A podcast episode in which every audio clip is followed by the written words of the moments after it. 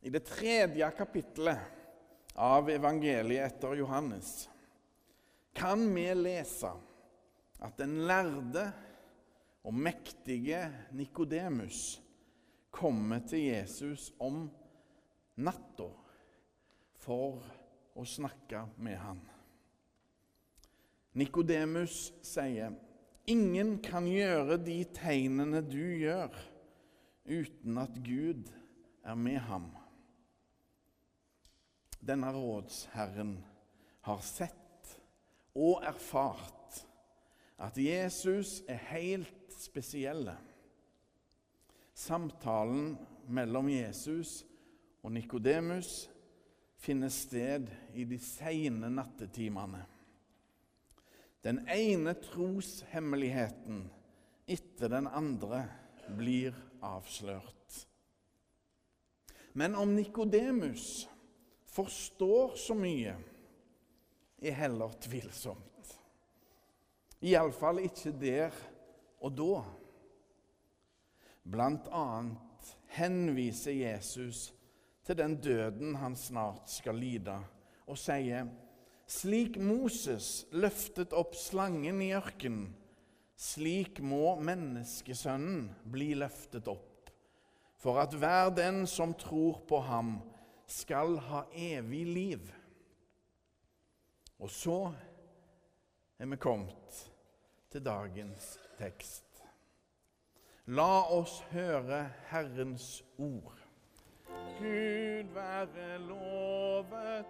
Halleluja, halleluja, halleluja.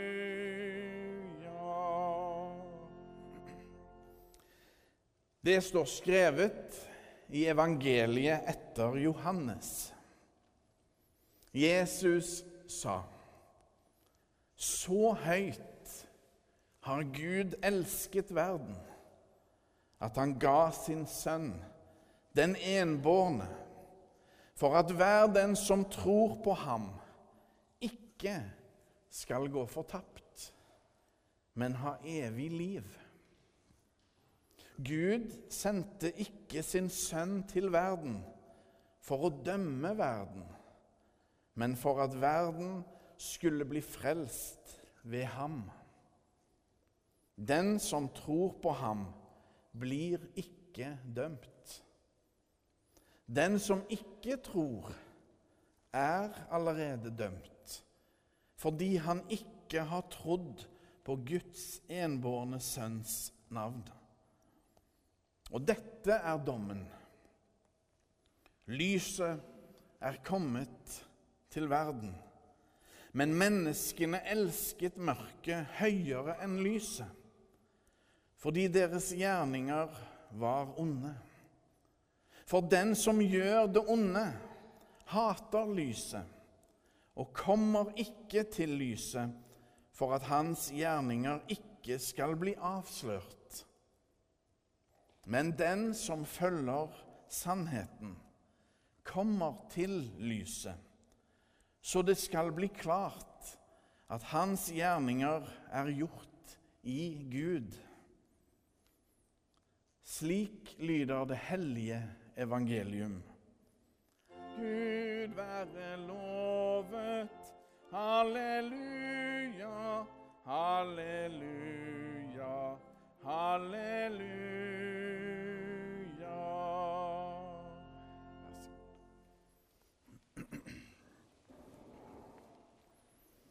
Jeg vet ikke om dere har lagt merke til det, men vi har to robotgressklippere utenfor kirka vår.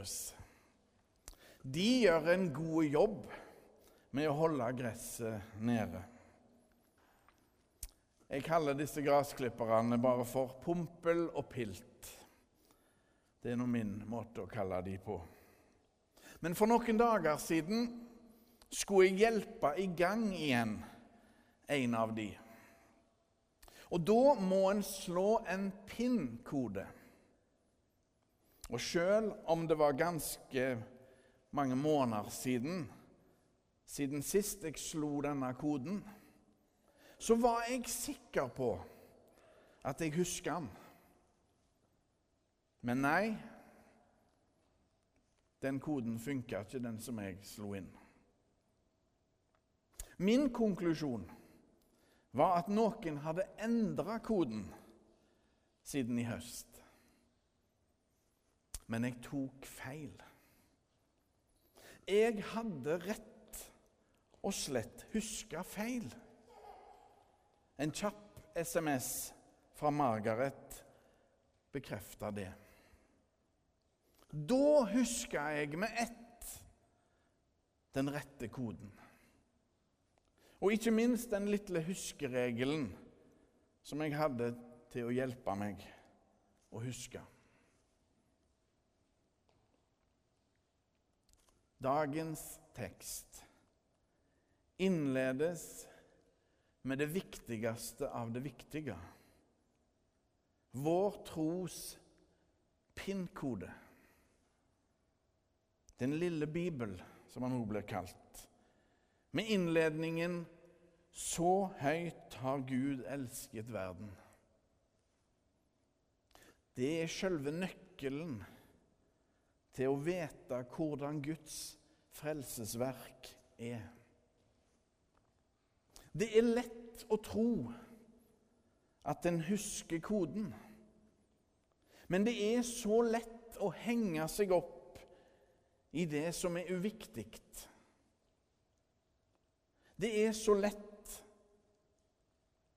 bare å huske koden slik som han nesten er. Men en PIN-kode må være eksakt for å være nyttige.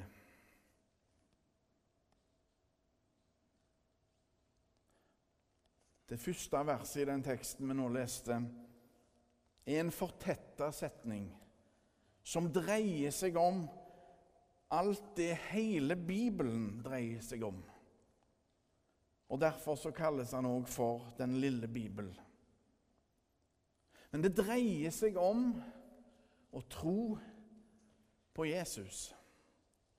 Å være kristen er å tro på Jesus. Han, den enbårne Guds sønn, er og blir avgjørende i Guds frelsesplan. Jesus ble løfta opp på korstreet, akkurat slik som kobberslangen ble løfta opp av Moses under den 40 år lange ørkenvandringen som israelsfolket hadde. Da ble de berga, de i folket som var blitt bitt av de giftige slangene. Da overlevde de. De trengte bare å se på kobberslangen for å bli berga. Vi skal se på Jesus. Han er våres kobberslange. Han er våres redning og frelse. For det er han alt dreier seg om. Budskapet er Jesus. At Gud i Jesus Kristus har vist oss sitt ansikt og vesen. At Gud har blitt en av oss og satt sine enorme spor etter seg i historien. Sjøl om han bare gikk her på jorda i vel 30 år. Og sjøl om han dro til himmelen igjen og ble usynlig for oss, kom han tilbake oss i en annen skikkelse. I Den hellige ånd kan Jesus nå være overalt samtidig. Det er det som skal feires neste søndag, på pinsedagen. Alt dreier seg om Jesus. Derfor er denne teksten så viktig. Fordi Jesus er viktig. Som den korsfestede og oppstandende seierherren, ønsker han å få prege oss med sin kjærlighet, slik at hans seier kan deles med enda flere og få betydning for oss alle.